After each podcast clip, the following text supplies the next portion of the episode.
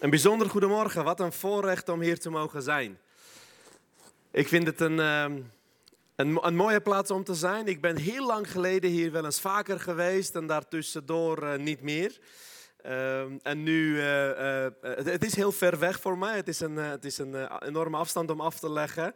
Maar het is altijd fijn om ehm, het woord te mogen brengen. Om met jullie bezig te gaan met een thema waar jullie als gemeente mee bezig zijn. Um, eerlijk gezegd, ik, ik ben hier veel eerder mee bezig geweest en op een gegeven moment over gepreekt en zelf er doorheen gegaan. En uh, toen ik uh, van Maarten een beetje hoorde waar jullie weekend over was gegaan en ook vanochtend met de kinderen om te leren van Petrus met vallen en opstaan, toen dacht ik, ja, dan ga ik weer een boodschap brengen die dicht bij mijn hart is, waar ik zelf uh, doorheen ben gegaan, waarvan ik hoop dat het jullie bemoedigt, bekrachtigt, inspireert en dat jullie veranderd naar huis mogen gaan vandaag. Yes. Het verhaal begon um, um, dat ik uh, met wat collega's ben gaan zeilen. Zitten hier zeilers in ons midden? Is geen water hier in de buurt? Ja, de Maas, toch? Oh, is dat ver weg? Nou, ik, uh, ik kan u vertellen, uh, maar, maar, mensen die van zeilen houden, of de mensen die kunnen zeilen, toch wel een paar. Ja, ik, ik, ik niet. Ik, ik bedoel, ik ben Armeen. In Armenië hebben we ook geen water. Ik kon niet eens zwemmen, weet je wel, laat staan zeilen. Dus ik werd uitgenodigd door mijn collega's om te gaan zeilen. en ik zat in een kleine zeilbootje samen met een intensivist en een reumatoloog. Uh, uh, en, en, er was nog een assistent van de interne geneeskunde, uh, een professor van de nefrologie, dus een nierdokter, en de allochtonen zaten in een boot. En, eh, en, deze mensen waren toch een beetje de elite van Nederland, toch? De hoogopgeleide dokters, die hebben allemaal een bootje, die komen uit een wereldje waarin ze hockey en zeilen en in een Volvo rijden. Maar goed, dus ik zat daar te genieten van, van, van alles wat er gebeurde. En op een gegeven moment zei de professor, die zei jongens, uh, zullen we gaan grijpen? Ik dacht, wie gaan we grijpen? Weet je wel? Weten jullie wat grijpen is? Een aantal wel, een aantal niet. Wie weet niet wat grijpen is? Oh, ik ben niet de enige allochtoon hier, hoor ik al. Nee, grijpen is, ik ga het je even uitleggen en dan moeten mensen mij controleren die weten hoe dat werkt. Als je je giek, zeg maar, waar de zeil aan vast zit, eigenlijk in de volle wind naar de andere kant gooit om in de wind te draaien. Klopt dat? En waarom werd er gewaarschuwd uh, en overeenstemming bereikt dat we het gingen doen? Want als je dat doet, dan komt dus dat giek met een rotvaart die steekt de boot over. Dat betekent dat je moet bukken ik dacht, we gaan iets of iemand grijpen. Dus ik denk, borst naar voren, hoofd omhoog. Ik zal eens jullie laten zien hoe er hier gegrepen wordt. Maar ik had geen idee waar het was. En ik durfde ook niet te vragen natuurlijk. Want ja, je wilt niet zo dom overkomen met al die intelligente mensen in de boot. En gelukkig, gelukkig, gelukkig had de professor eh, vlak voordat de giek mijn grote neus zou raken, had hij door dat ik niet wist wat er ging gebeuren. Dus ze duwde zo mijn hoofd net aan de kant, waardoor ik uh, ternauwernood mijn eerste zeiltocht heb overleefd. Weet je, ik was, ik was aan boord met mensen die goed waren in, in zeilen. Daar, ze, ze, ze hadden er ervaring mee, ze konden dat, ze wisten waar ze mee bezig waren. En de leerlingen van Jezus waren ook goede zeilers. De meeste leerlingen, de vissers onder hen, dat, die waren, dat waren mensen die waren opgegroeid op het water. Ja, die hadden niet ergens op hun dertigste bedacht, wat ga ik met mijn leven doen, laat ik visser worden. Nee, het waren mensen die van jongs af aan waren opgegroeid op het water. Zo ook Petrus. Petrus was een visser. Dus hij kon, dat is het beste wat hij kon. Op het water, hij kende de stormen, hij kende zijn boot, hij wist wat zeilen was, hij wist wat, wat grijpen was. Dat was zijn professie en hij was er goed in. Maar ook mensen die ergens heel goed in zijn, ook mensen die ergens heel kundig of ervaren in zijn, komen vroeg of laat in problemen. De meest ervaren zeilers, de meest ervaren schippers komen soms in problemen op het water, terwijl ze dat al duizenden keren hebben gedaan. En zo is het met het leven op allerlei terreinen, allerlei vlaktes in je leven. Misschien ben je een hele goede ondernemer. Je hebt het leven uh, goed door. Je bent goed in zaken doen, goed in ondernemen. Je hebt een enorme vermogen verdiend. Alles zelf gedaan omdat je er heel goed in bent. Vroeg of laat kan er zomaar iets gebeuren waardoor je imperium gaat wankelen. Dat zie je mensen die alles kwijtraken terwijl ze daar heel goed in waren. Of misschien ben je ontzettend gezond. Uh, ren je marathons, uh, uh, sport je de hele dag, je rookt niet, je drinkt niet, je bent heel goed met je lichaam bezig. En je denkt, ik ga de 130 halen. Tot het moment dat je wakker wordt en je bent ziek, je gaat naar de dokter, je krijgt een diagnose. En je leven is nooit meer hetzelfde. Terwijl je dacht zo goed daarin te zijn, zoveel zekerheden te hebben, zomaar komt er een storm en kun je dat kwijtraken.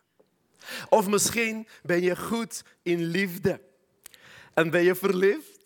Of misschien getrouwd en het gaat zo goed tussen jullie. Uh, Romeo en Julia zijn jaloers op jullie, weet je wel.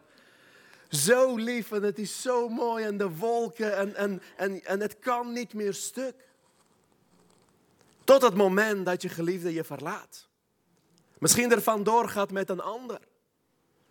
Of dat hij zegt, ja, ik voel het niet meer. We zijn uit elkaar gegroeid. En voor je het weet, stort het allemaal in. Weet je, soms denken we dat we ergens heel goed in zijn en hebben we de controle. Maar er is altijd een storm. Er is altijd een strijd. Er is altijd een moment dat je het niet meer weet. Zo ook met de leerlingen van Jezus. De ervaren vissers. Petrus, laten we lezen uit Matthäus 14. Vanaf vers 24 lees ik even. Matthäus 14, vanaf vers 24. Een heel bekend verhaal. Welk water mag ik gebruiken, jongens hier? Allebei.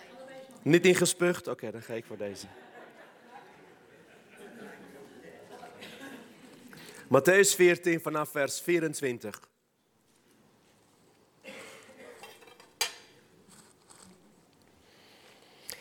De boot was intussen al vele stadia van de vaste wal verwijderd en werd als gevolg van tegenwind door de golven geteisterd.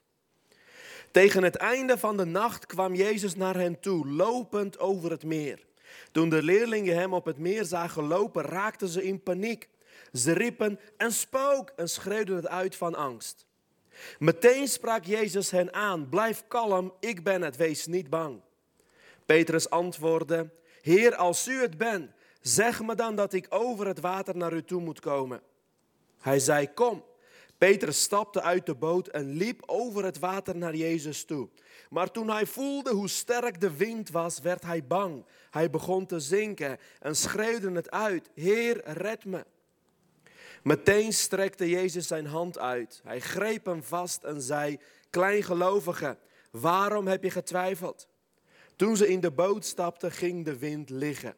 In de boot bogen de anderen zich voor hem neer en zeiden: U bent werkelijk Gods zoon. Even tot zover. Het is een heel bekend verhaal, dit verhaal, hè, dat Petrus over het water loopt.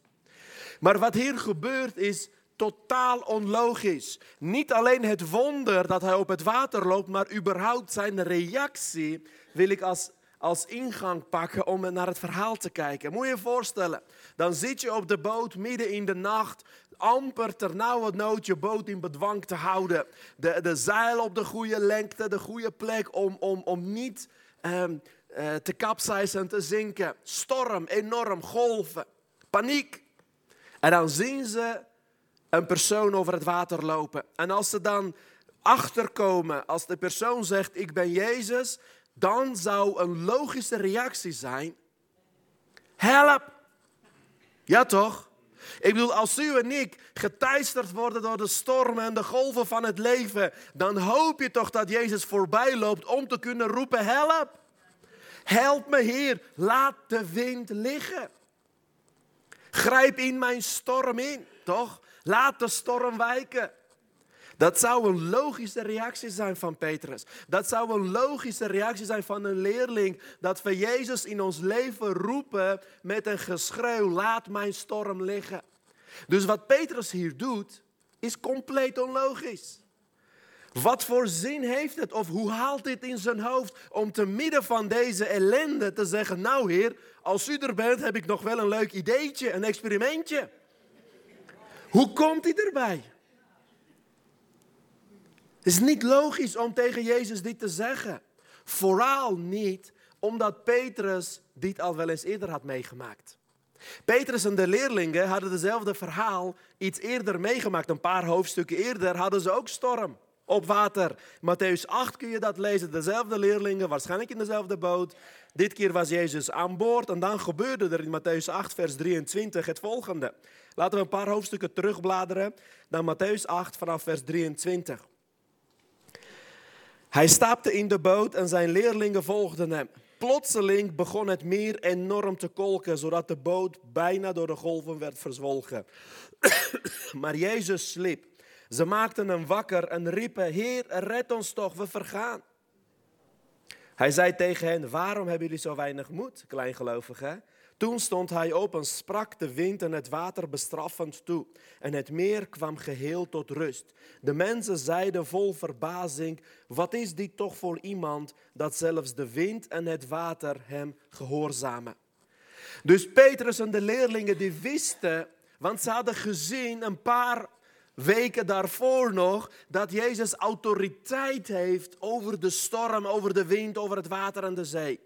Dus ze weten, Jezus kan mijn situatie veranderen. Hij kan de storm op zee doen stillen. Ze weten het.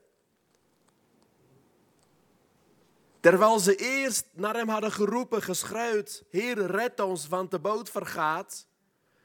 Zegt Petrus nu, als u het bent, laat ik dan over de golven naar u lopen. Wat is er gebeurd tussen Matthäus 8 en Matthäus 14? Weet in Matthäus 14 is het moment daar dat Petrus, in mijn beleving, dat, dat Petrus als leerling van Jezus gegroeid is in zijn wandel met Jezus, waarbij hij niet meer kijkt naar brandjes blussen in mijn omstandigheden, maar waarin hij kijkt, focust naar Jezus en zegt, als u in mijn leven bent, laat ik dan boven de situaties uitstijgen. Dan maakt het mij niet meer uit hoe hard de wind waait, hoe diep de diepe dalen zijn van mijn leven, maar laat ik samen met u boven deze golven uitstijgen. En Matthäus 8 leerling zal roepen elke dag weer, Heere, help mij, red mij. Brandjes blussen, ellende hier, nood daar, vallen, pijn, ziekte, zoveel uitdagingen in dit leven. Heren, kom voorbij en laten we één voor één mijn problemen oplossen. In Matthäus 14 zie je een Petrus die zegt, Heer, de storm interesseert me niet. Die boot interesseert me niet. Ik wil met u boven de golven, boven de winden uitstijgen. Wauw. Het is een ander gebed. Ander kijk op de realiteit. Een andere manier van wandelen met Jezus. En het bijzondere is dat in zijn avontuur zie je dat Petrus gelukkig, net als jij en ik, bijna verzuipt. Ik vind fijn dit stukje dat hij ook er doorheen gaat. Ja toch? Maar dan voel ik van, oh, als hij, dan kan ik het ook, weet je wel. Dan ben ik niet de enige loser. Maar, maar, maar het bijzondere is dat, dat deze man die, die durft eventjes zijn gebed verandert. In plaats van, heren, laat de storm stillen. Nee, heren, laat ik naar u toe lopen. Terwijl eerst zijn focus op Jezus was. En hij stapte uit die boot over de golven. Dan logischerwijs een mens van vlees en bloed zal voelen hoe hard de wind is zal voelen hoe groot de pijn is. Zal, je bent een mens, dus je zal, het zal je raken. En in dat hij geraakt wordt, zie je dat hij het niet meer weet en bijna verzuipt. Maar de Jezus is daar om hem eruit te halen. En als ze eenmaal in de boot zijn, dan gaat de wind liggen.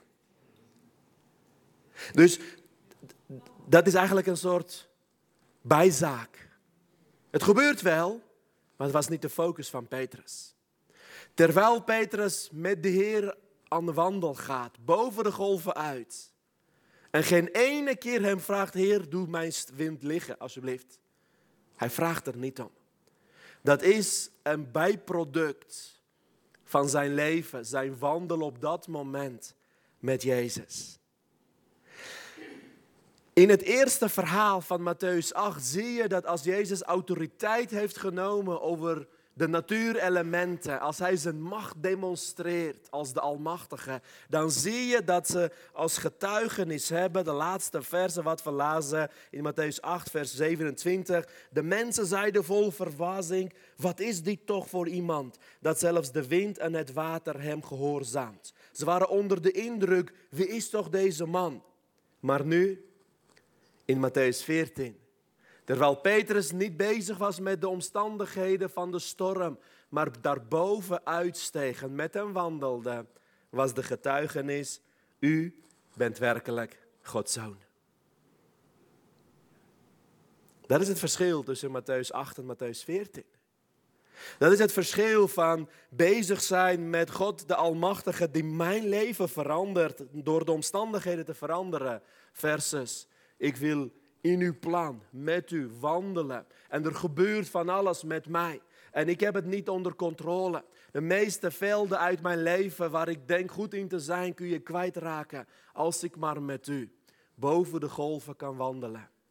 Dan zul je zien dat de getuigenis van mij, van mensen, van anderen verandert. Van Hij is werkelijk Gods Zoon. Het is de Messias met wie jij een wandel mag hebben, met wie je mag optrekken. De uitdaging voor ons vandaag als leerlingen van Jezus. De vraag voor ons vandaag als leerlingen van Jezus is hoe we gefocust zijn op de stormen, de golven van waar we doorheen gaan. Versus hoe we gefocust zijn op Zijn wil, Zijn plan met ons, met jou en met mij.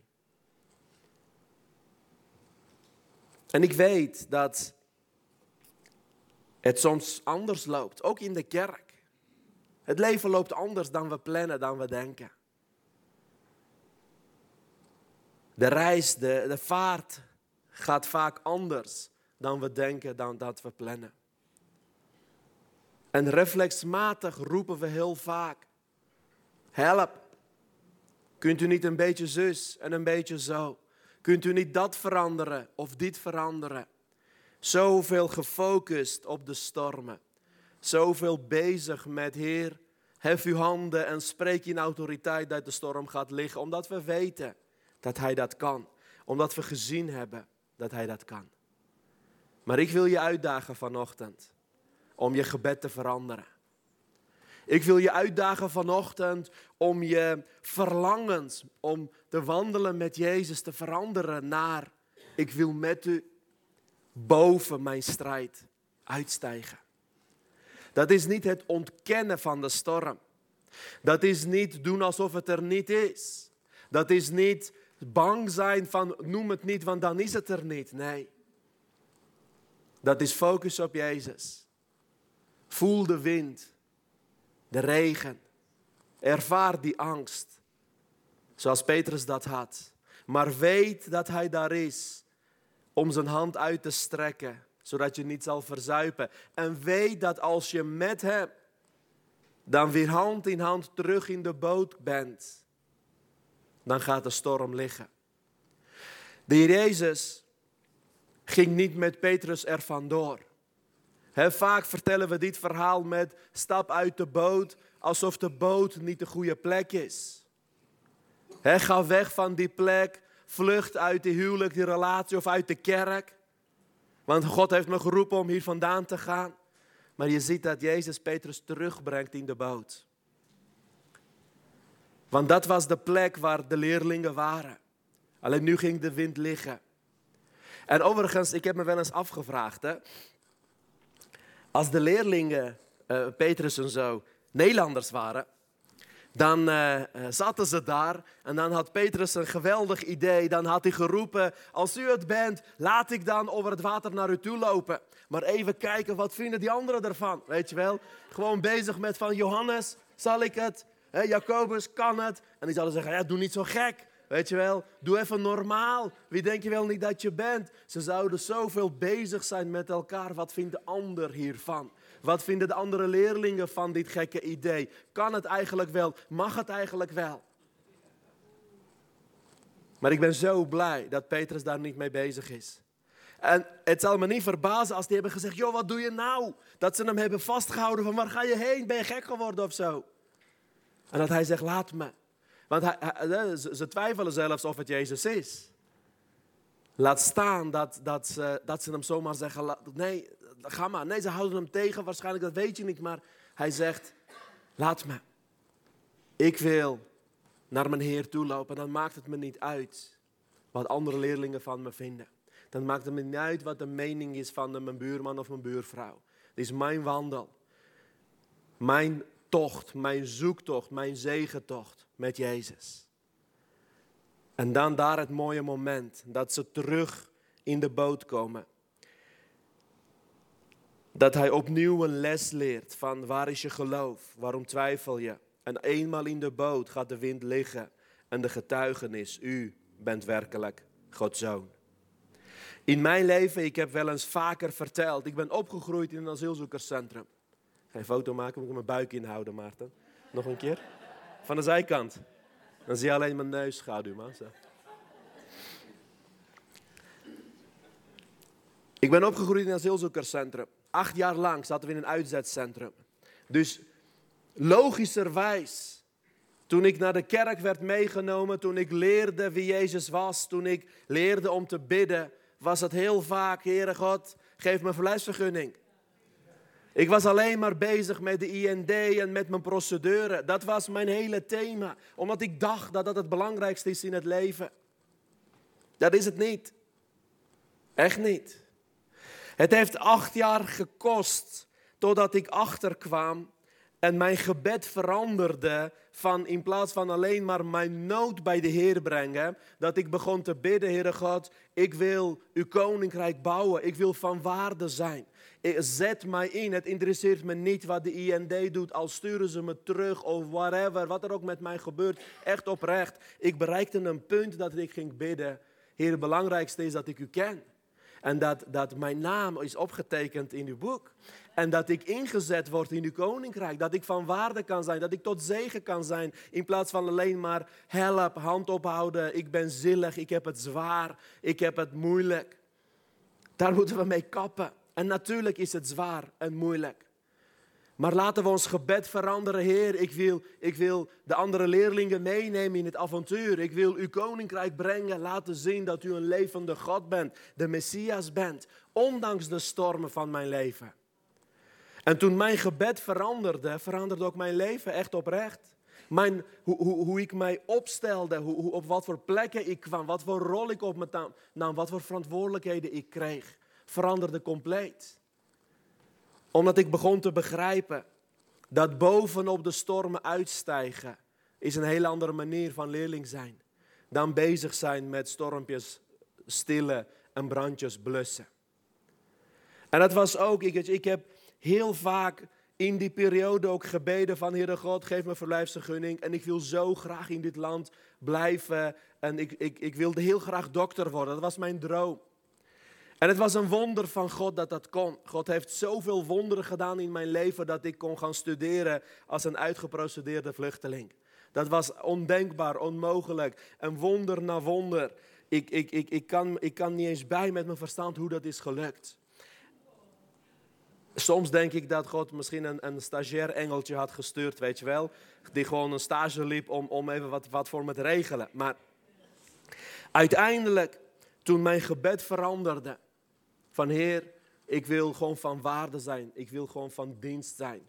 Toen, toen, toen ontdekte ik, kwam ik achter dat zegen na zegen, stappen in geloof resulteerden in resultaten, in wonderen, in tekenen. Omdat je dan anders gaat leven en anders gaat wandelen. En we kregen verblijfsvergunning. Uiteindelijk werd ik, eh, kon ik mijn studie afmaken. En, en ik ben spoedeisende hulparts van beroep. En toen ik net klaar was met mijn specialisatie, toen kwam COVID.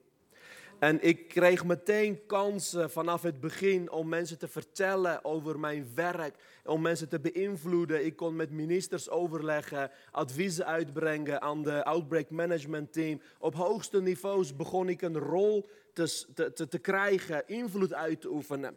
En ik kreeg heel veel berichten van mensen van we zagen je op tv en wat fijn, wat goed. Maar niemand van hen wist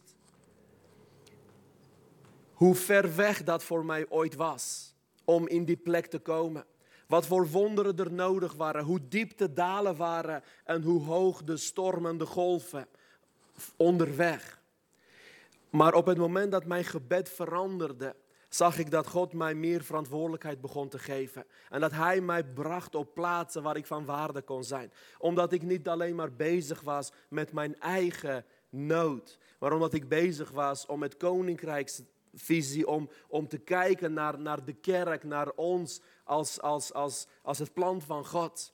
En dan draait de aarde niet meer om mij en draait het niet om mijn problemen, maar dan draait het om de plan van God. En wat kan ik daarin betekenen? Hoe kan ik boven de golven uitstijgen? Weet je, ik kreeg van veel christenen te, complimenten dat ik, want ik deed wel eens dingen op bij talkshows en dan vertelde ik ze over mijn geloof. En heel veel christenen vonden dat fantastisch. Ik weet niet, hebben jullie in Limburg ook tv hier? Kijken jullie ook wel eens naar wat er in Nederland gebeurt? Ja? Weet je, Randstad en zo? Nou, vast wel.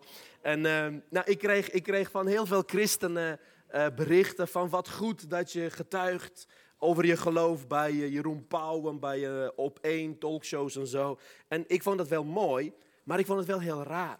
Eh, in de zin van, uh, kennelijk zijn we als christenen bijzonder gaan vinden dat een christen getuigt. Dat is toch raar? Dat moet toch andersom zijn? Stel, ik zou elke zondag mijn long uit mijn lijf breken en ik zou maandag op de buis mijn mond houden. Dat zou toch raar zijn?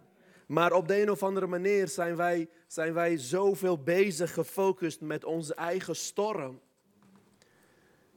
Dat, we niet meer, uh, dat het ons niet meer lukt, dat het moeilijker is om de storm te gaan zien vanuit het perspectief van het plan van God en daarboven uit te stijgen om samen met Jezus over de golven te lopen, wonderen tekenen mee te maken en om terwijl we onderweg zijn met, samen naar andere leerlingen toe om de storm te zien liggen, om het verschil te maken. En die uitdaging, die hebben wij als leerlingen van Jezus, zoals we hier zitten. Of je nou heel goed bent in het leven, heel goed bent in zeilen, of je nou heel goed bent in alles wat je hebt georganiseerd, of misschien zit je hier en je, hebt, je bent alles kwijt en het is je gewoon niet gelukt. Wij allemaal hebben Jezus nodig. Maar dan is de vraag en het gebed. Niet, hoop ik niet alleen maar, Heer, laat mijn storm liggen. Omdat je dan alleen maar gefocust bent op je storm. Maar Heer, til mij boven mijn stormen uit. Til mij boven mijn ziekte uit. Til mij boven de familiedrama's uit til mij boven de, de zakelijke problemen uit. En laat ik samen met u, lopend over de golven, af en toe dreigend te verzuipen, wetende dat u daar bent om mij eruit te trekken. En dan terug in de boot met andere leerlingen. Om een voorbeeld te zijn, om ze te inspireren niet van, kijk mij eens, lekker per voor jullie, stik er maar in, ik ben er vandoor met Jezus. Had Petrus ook kunnen doen, hè?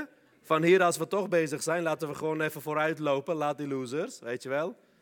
Nee, maar terug in de boot. Om samen als kerk, als gemeente, als volgelingen van Jezus. Dan te ervaren dat Hij bij macht is om de stormen te doen liggen. Om te ervaren dat Hij werkelijk Gods zoon is.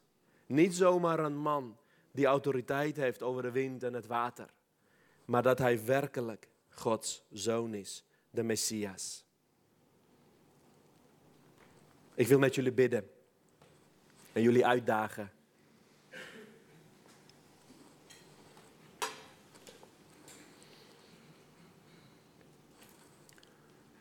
Dank u wel, Heere God dat u als Vader in de hemel niet ver, ver weg bent, maar dat u heel dichtbij bent. Dank u wel, Heer Jezus, dat u de stormen van ons leven kent. Dat u ons ziet, soms dobberen, soms strijden, soms wankelen. Hier, u weet waar we doorheen gaan.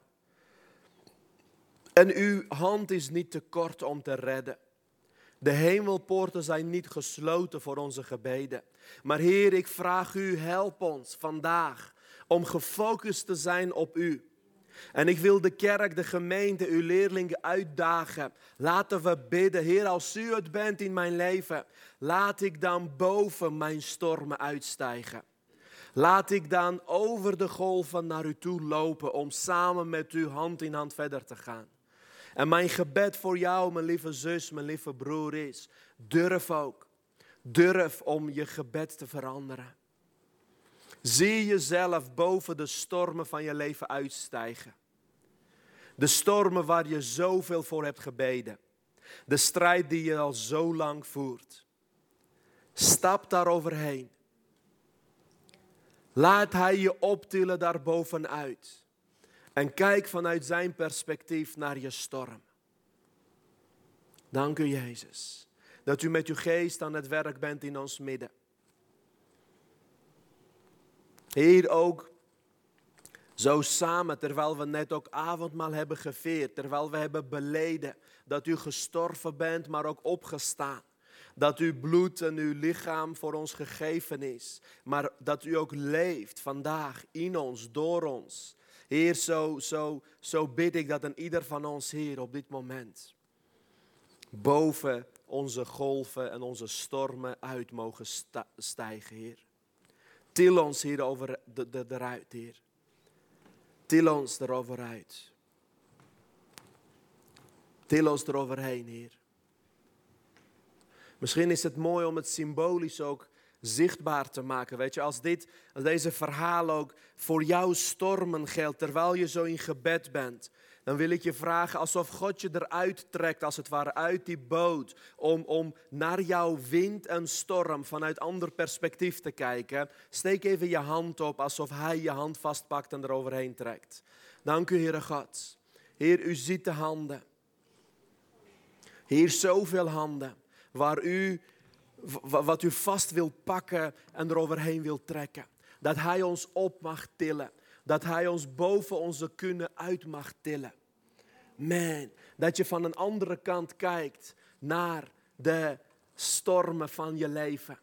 Hij tilt je bovenuit.